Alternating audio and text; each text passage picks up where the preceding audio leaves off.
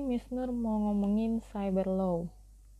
Kita ngomongin cybercrime atau kejahatan yang menggunakan teknologi, komputer, dan internet. Yang mau diomongin adalah hmm, si cybercrime sebagai kejahatan baru dan juga kejahatan transnasional. Dia sebagai kejahatan baru ini bisa dilihat dari uh, jadi podcast saya sebelumnya kan ngomongin sejarah perkembangan cyber law yang melalui jalur panjang banget dari mulai perkembangan teknologi ketika munculnya revolusi di Inggris sampai pembahasan uh, perumusan undang-undang ITE sendiri yang sudah dimulai dari tahun 90-an di Indonesia. Nah, jadi uh, cybercrime uh, dia ini karakteristiknya ya, dia merupakan relatif baru dibanding sama kejahatan yang sifatnya umum atau konvensional atau street crime. Menurut Freddy Harris, cybercrime merupakan tindak pidana dengan karakteristik sebagai berikut. Unauthorized access dengan maksud memfasilitasi kejahatan, jadi dia mengakses tapi tidak sesuai otoritas atau bukan haknya. Unauthorized alteration or destruction of data, dia melakukan perubahan atau pengerusakan data, tapi bukan haknya juga terus dia mengganggu atau merusak operasi komputer, sama dia mencegah atau menghambat akses pada komputer. Nah, sebelumnya uh, sempat disebutin di podcast saya yang sejarah perkembangan masalah konten UITE, tapi mungkin kurang lengkap atau kurang jelas. Jadi saya sebutin lagi, kalau di Undang-Undang ITE itu ada beberapa aspek perbuatan yang dilarang dalam penggunaan teknologi informasi jadi kalau aspek ini tidak dipenuhi, bisa jadi atau bahkan sangat memungkinkan dia diklasifikasikan sebagai cybercrime. Aspek perbuatan yang dilarangnya adalah satu, menyebar informasi elektronik yang berbuatan pornografi, perjudian, tindak kekerasan, sama penipuan. Menggunakan dan atau mengakses komputer atau sistem elektronik dengan cara apa pun tanpa hak dengan maksud untuk memperoleh, mengubah, merusak, atau menghilangkan informasi dalam komputer atau sistem elektronik. Yang ketiga, menggunakan dan atau mengakses komputer atau sistem elektronik dengan cara apa pun tanpa hak dengan maksud untuk memperoleh, mengubah, merusak atau menghilangkan informasi dalam komputer atau sistem elektronik milik pemerintah yang karena statusnya harus dirahasiakan atau dilindungi. Yang keempat, menggunakan dan atau mengakses komputer atau sistem elektronik dengan cara apa pun tanpa hak dengan maksud untuk memperoleh, mengubah, merusak, atau menghilangkan informasi dalam komputer atau sistem elektronik yang menyangkut pertahanan nasional atau hubungan internasional yang dapat menyebabkan gangguan atau bahaya terhadap negara dan atau hubungan dengan subjek hukum internasional. Yang kelima, itu ada melakukan tindakan yang secara tanpa hak yang menyebabkan transmisi dari program, informasi, kode, atau perintah komputer dan atau sistem elektronik yang dilindungi negara menjadi rusak. Dan yang terakhir, menggunakan dan atau mengakses komputer dan atau sistem elektronik secara tanpa hak atau melampaui wewenangnya baik dari dalam maupun luar negeri untuk memperoleh informasi dari komputer dan atau sistem elektronik yang dilindungi oleh negara itu adalah e, karakteristik atau misalnya gimana cara kita mendefinisikan suatu kejahatan tuh masuk dalam cybercrime kalau dilihat dari undang-undang ITE. Nah, balik lagi, e, menurut tuh Bagus Roni Rahman, dia punya deskripsi khusus, dia punya ciri khusus untuk mendefinisikan atau menjabarkan apa sih gitu kejahatan seperti apa sih yang bisa diklasifikasikan sebagai cybercrime satu, kejahatan tersebut non-violence atau tanpa kekerasan. Jadi bukan baku hantam. Nah ini bentuk yang keduanya, sedikit melibatkan kontak fisik atau minimize of physical distance. Yang ketiga, dia menggunakan peralatan atau equipment teknologi. Yang keempat, dia memanfaatkan jaringan telematika, telekomunikasi, media, dan informatika global. Nah, kalau dilihat dari karakteristiknya, terutama karakteristik ketiga dan empat ini bak bakal menunjukkan gitu kalau cybercrime ini bisa dilakuin kapan sama di mana pun. Jadi seakan-akan tanpa batas atau borderless. Hal ini mengakibatkan pelaku, korban, tempat terjadinya perbuatan pidana atau lokus deliktinya, serta akibat yang ditimbulkan dapat terjadi di berbagai negara. di beberapa negara. Maka e, cybercrime ini yaitu kemudian diklasifikasikan sebagai kejahatan transnasional. Nah, tadi kan dibilang ya dia bisa berlaku kapan pun dan di mana pun. Maka mungkin mulai e, sekarang kali ya ini saya buat podcast ketika kita lagi sama-sama berjuang menghadapi pandemi COVID-19 gitu. Nah, ketika kita dibatasi sama bentuk-bentuk pertemuan tatap muka langsung, nah kita kan akan melakukan hubungan yang tanpa tatap muka gitu ya, istilahnya social distance. Nah, tadi kan ada minimal uh, minimize of physical distance. Jadi uh, sejujurnya gitu, ketika pandemi COVID ini, angka pengguna internet semakin meningkat angka pengguna jaringan semakin meningkat. Namun juga angka kejahatan dengan menggunakan teknologi informasi itu juga semakin meningkat. Kalau kalian cari gitu ya eh, artikel gitu ya tentang kejahatan mm, yang menggunakan teknologi bakal banyak banget yang muncul. Salah satu yang paling lagi baru booming gitu ya Tokopedia, eh, terus Bukalapak juga, singkat saya terus Zoom juga. Nah klasifikasinya bisa nanti uh, diteliti lebih lanjut dia masuk dalam cybercrime yang seperti apa dan sebenarnya pas saya lagi buat podcast ini pun uh, tadi saya sempat nyari beberapa contoh nah ada gitu satu website yang namanya Cyberthreat nah di situ uh, pas saya coba nyari-nyari uh, salah satu contoh kasus nah page yang 2020 itu lumayan banyak banget oke okay.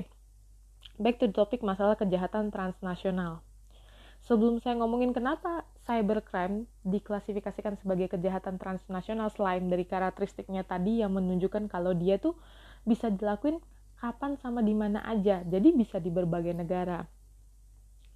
Saya mau bedain dulu, mau jabarin dulu perbedaan kejahatan internasional sama kejahatan transnasional.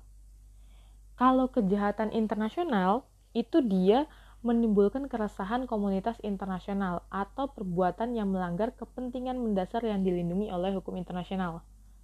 Just it. Tapi kalau kejahatan transnasional itu dia eh, apalagi ini klasifikasinya kejahatan transnasional terorganisir yaitu perbuatan kelompok yang melibatkan dua negara atau lebih yang perbuatan tersebut merupakan tindak pidana setidak-tidaknya menurut salah satu negara.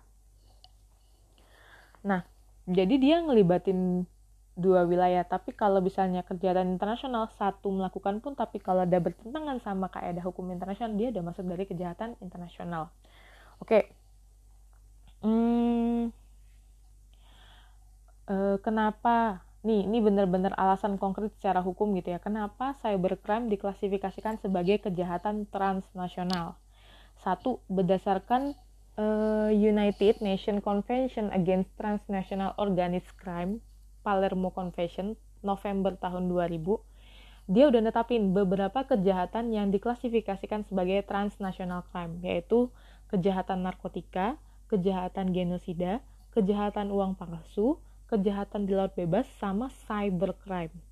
Yang kedua, itu ada deklarasi ASEAN di Manila Nah, di sini yang dimasuk dalam e, kejahatan transnasional itu ada illicit drug trafficking, money laundering, terorisme, arms smuggling, trafficking in person, CPRIC, currency counterfeiting, sama cybercrime. Itu kenapa pada akhirnya e, cybercrime dimasukkan juga dalam kejahatan transnasional dalam kategorinya.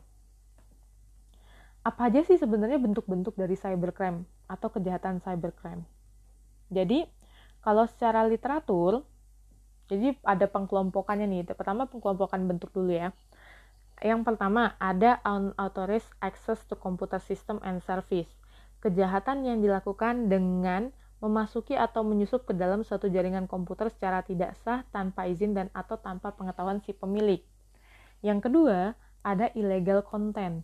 Kejahatan dengan memasukkan data atau informasi ke internet yang tidak benar, tidak etis, atau dianggap melanggar hukum dan ketertiban umum. Yang ketiga, ada data forgery, kejahatan dengan memasukkan data pada dokumen yang tersimpan di internet. Yang keempat itu cyber espionage, kejahatan yang memanfaatkan jaringan untuk melakukan mata-mata terhadap pihak lain dengan masuki sistem komputer. Nah, untuk yang kejahatan keempat ini, tadi tuh pas saya searching-searching di cyber threat itu, ada satu kasus yang uh, lumayan baru sih. Masih dalam kurun waktu lima tahun terakhir ya. Jadi di 2015 ini pertama kali ditemuin ada sekelompok peretas canggih hacker canggih. Nanti bakal saya jelasin bedanya hacker cracker sama pracker ada istilahnya. Nah jadi ini saya ngomongnya peretas canggih ya. Dari Cina yang baru-baru ini terlihat berada di belakang kampanye spionase dunia maya yang menargetkan entitas pemerintah di Australia, Indonesia, Filipina, Vietnam, Thailand, Myanmar, dan Brunei. Jadi eh, yang si eh, yang melakukan si peretas canggih ini namanya Nikon APT atau yang dulu dikenal sebagai salah satu APT paling aktif di Asia hingga 2015. Jadi sebenarnya udah ada di 2015, tapi baru ditemuin lagi baru-baru ini. Dia melakukan serangan cyber di wilayah Asia Pasifik untuk mencari informasi intelijen geopolitik. Nah, cyber espionage itu tadi, espionage itu dia adalah kejahatan, saya ulang lagi, yang memanfaatkan jaringan untuk melakukan mata-mata terhadap pihak lain dengan memasuki sistem komputer. Jadi kalau eh, 1 sampai 3 dia tujuannya cuma buat masuk, merusak atau ngubah data. Tapi kalau yang keempat dia melakukan pengamatan. Nah, masuk yang ketiga, kelima ya, karakter e, bentuk kejahatan yang kelima. Itu cyber sabotage sama extortion. Membuat gangguan, pengerusakan, atau penghancuran terhadap suatu data, program komputer, atau sistem yang terhubung dengan internet. Yang keenam ada infringement of privacy tertuju pada informasi seseorang yang bersifat pribadi. Jadi ya ini yang mulai penipuan misalnya nomor kartu kredit cardnya, nomor PIN KTP-nya, terus eh, nomor PIN atau nomor KTP, sama misalnya ada riwayat penyakit tersembunyi atau hal-hal yang sebenarnya kita nggak pengen orang lain tahu atau hal-hal yang bisa jika diketahui orang lain itu bisa disalahgunakan. Nah, kalau terjadi itu masuk dalam infringement of privacy. Oke. Okay ini juga ada uh, pengkategorian lagi. Uh, tadi ada 6, di sini juga ada 6 yang masuk dalam cybercrime. Satu, cyber terrorism. Cyber terrorism. National Policy Agency of Japan itu mendefinisikan cyber terrorism itu sebagai electronic attack, serangan yang menggunakan elektronik atau serangan elektronik melalui komputer uh, through computer networks melalui jaringan komputer against critical infrastructure that have potential critical effect on social and economic activities of nation. Melawan atau menyerang uh, infrastruktur yang vital, yang penting, yang punya potensi dap kalau diserang itu bakal menimbulkan efek baik dari sosial maupun ekonomi di suatu negara. Setelah cyber terrorism, itu ada cyber pornografi, penyebaran obscene material atau konten cabul. Yang ketiga, cyber harassment, pelecehan seksual melalui email, website, atau chat program. Jadi kalau pornografi itu cuman ya udah satu orang nge-share konten. Tapi kalau harassment itu satu orang nge-attack atau menyerang orang lain. Nah, cyber stalking itu dia pembuntutan. Cyber stalking bisa jadi berujung pada cyber harassment. Hacking. Tadi sebelumnya saya sebutin hacking crack, uh, hacker, cracker, sama pracker. Nah, hacking dia adalah penggunaan program abilities atau kemampuan programming dengan maksud bertentangan dengan hukum. Itu hacking. Jadi sebenarnya uh, ini kan dia bilangnya dengan bertentangan dengan hukum karena masuk dalam cybercrime. Tapi hacking itu sebenarnya ilmunya memang ada. Gimana dia mempelajari sistem dalam komputer. Nah, makanya ada tiga istilah ini. Hacker itu adalah seseorang yang punya kemampuan pemrogramming di atas rata-rata, dia tuh uh, break the system atau masuk ke dalam sistem, tapi tujuannya tuh pure atau innocent. Uh, kayak misalnya buat setelah dia nemuin kelemahannya, dia bakal ngasih tahu. Nah, makanya beberapa perusahaan pun akhirnya mempekerjakan seorang hacker. Tapi kalau cracker, uh, dia itu udah nge-break uh, sistem di komputer, sifatnya destruktif, jadi nggak ada manfaatnya sama sekali. Jadi kalau hacker itu pure and innocent, kalau cracker itu yang badnya. Nah, a breaker itu uh, pendekan istilah dari pawn breaker atau freak gitu. Jadi dia uh, dia ini juga ngebreak sistem, tapi fokusannya lebih kepada jaringan telekomunikasi yang ada di HP atau mobile. Oke, itu tadi hacking. Terus yang terakhir ada carding. Credit card fraud melibatkan berbagai macam akses yang bertentangan dengan hukum yang berkaitan dengan kartu kredit. Oke, ini ada satu case lama masalah carding. Case yang pertama itu di sekitar tahun 2000-an. Ini contoh salah satu kasus yang menunjukkan bahwa e, cybercrime ini adalah kejahatan transnasional. Jadi ini di 2001 e, 6 November. Eh 6 September sebelum jadi urutannya gini kasusnya saya bacain aja. Ini dari buku dari bukunya Dik Dik M. Arif eh, Cyber Law Aspek Hukum Teknologi. Pada akhir November 2001 kepolisian daerah Jawa Barat telah menangkap seorang mahasiswa. Dia karena melakukan kejahatan menggunakan pengun, eh, kartu kredit melalui internet nah sebelumnya itu di 6 September 2001 polisi mendapat laporan Telex Interpol Wiesbaden, Jerman. Dari bukti-bukti awal ditemukan bahwa tersangka telah melakukan penyalahgunaan nomor-nomor kartu kredit yang ia peroleh dengan cara mengakses melalui internet. Di sini nampak jelas bahwa pelaku adalah warga Indonesia. Kartu kredit yang digunakan adalah milik warga negara Jerman yang berasal dari Bank Jerman. Dan kemungkinan kartu kredit ini telah dipergunakan untuk membeli barang-barang di berbagai negara. Nah, jadi laporannya dari Jerman, terus si pelakunya ada di Indonesia. Kejahatannya carding. Itu yang bentuk salah satu contoh transnasional. Kalau baru-baru ini uh, itu tuh ada juga kasusnya di Februari tahun 2020. Lagi-lagi gitu. Uh, daerah Jawa, tapi kali ini Jawa Timur, dia menangkap tiga tersangka yang melakukan bisnis agen perjalanan murah di media sosial. Saya sebut aja nih ya, karena di berita juga diadain etiket kekinian. Modusnya dia curi kartu kredit orang lain terus dia pakai buat beli tiket habis itu tiketnya dijual murah ke orang lain. Ya iyalah dijual murah ya bukan duitnya sendiri yang dia pakai. Itu salah satu bentuk kejahatan carding berkaitan dengan kartu kredit. Nah kalau eh, bentuk ini mungkin masuknya ke bisa ke hacking bisa juga ke antara data forgery atau authorized access to computer. Silahkan kalian definisikan sendiri. Jadi, salah satu contoh kasus gitu ya, yang biasa kayaknya sih kalau saya lihat jadi favorit untuk dipercontohkan di dalam pembelajaran cybercrime atau cyber law itu adalah eh, kasus yang pernah dialami oleh BCA tahun 2001. Jadi, eh, BCA pas ini, pas masa ini 2001 ini bank-bank di Indonesia baru mulai layanan perbankan elektronik Nah, BCA ini pakai klik bca.com. Situs ini diamankan dengan inskripsi SSL 2048. Makanya pada masa itu mudah dibobol atau diretas. Jadi, ada seseorang yang buat 5 situs yang mirip, tapi cuman beda pengetikan doang. Namanya itu nama nama karakteristik kejahatannya typo tunggu.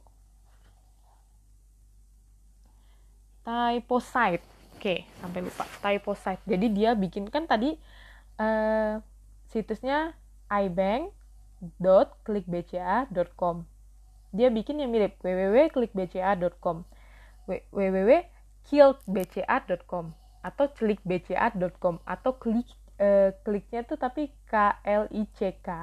Ada juga yang KLIK ada juga yang K eh, apa KLIKBAC kadang kan kalau orang ngetik banking kan suka buru-buru tuh. Terus kadang kita nggak ngecek domain atau address yang kita ketik di atas yang penting tampilannya sama aja. Nah jadi orang yang masuk salah masuk dan dia malah ngetik lima alamat address itu bisa ya tanpa sadar dia akan masukin nomor ATM dia, misalnya user dia atau password dia, nah itu bisa disalahgunakan. Cuman case-nya yang di BCA ini, akhirnya orang tersebut melakukan permintaan maaf kalau dia sebenarnya nggak punya niat jahat, dia cuman penasaran aja gitu, nggak e, gimana sih caranya gitu atau e, apa sih gitu. Jadi dia sempat buat surat permintaan maaf. Nah, pada masa ini 2001 belum ada pengaturan secara spesifik. Undang-undang ITE belum lahir. Nah, kasus serupa nih ada muncul di eh, baru-baru uh, ini gitu ya 21 Januari 2020 itu di uh, Citibank. Nah, tapi uh, dia itu situsnya namanya update-stripcity.com. Tapi kedetek tuh sama kayak uh, add-ons lah, add-ons uh, di browser yang ngasih tahu kalau diblok karena dia berbahaya. Tapi tampilannya beneran mirip banget. Nah, dari yang saya lihat sih Citibank belum ngeluarin uh, pernyataan resmi itu kenapa dan bagaimana.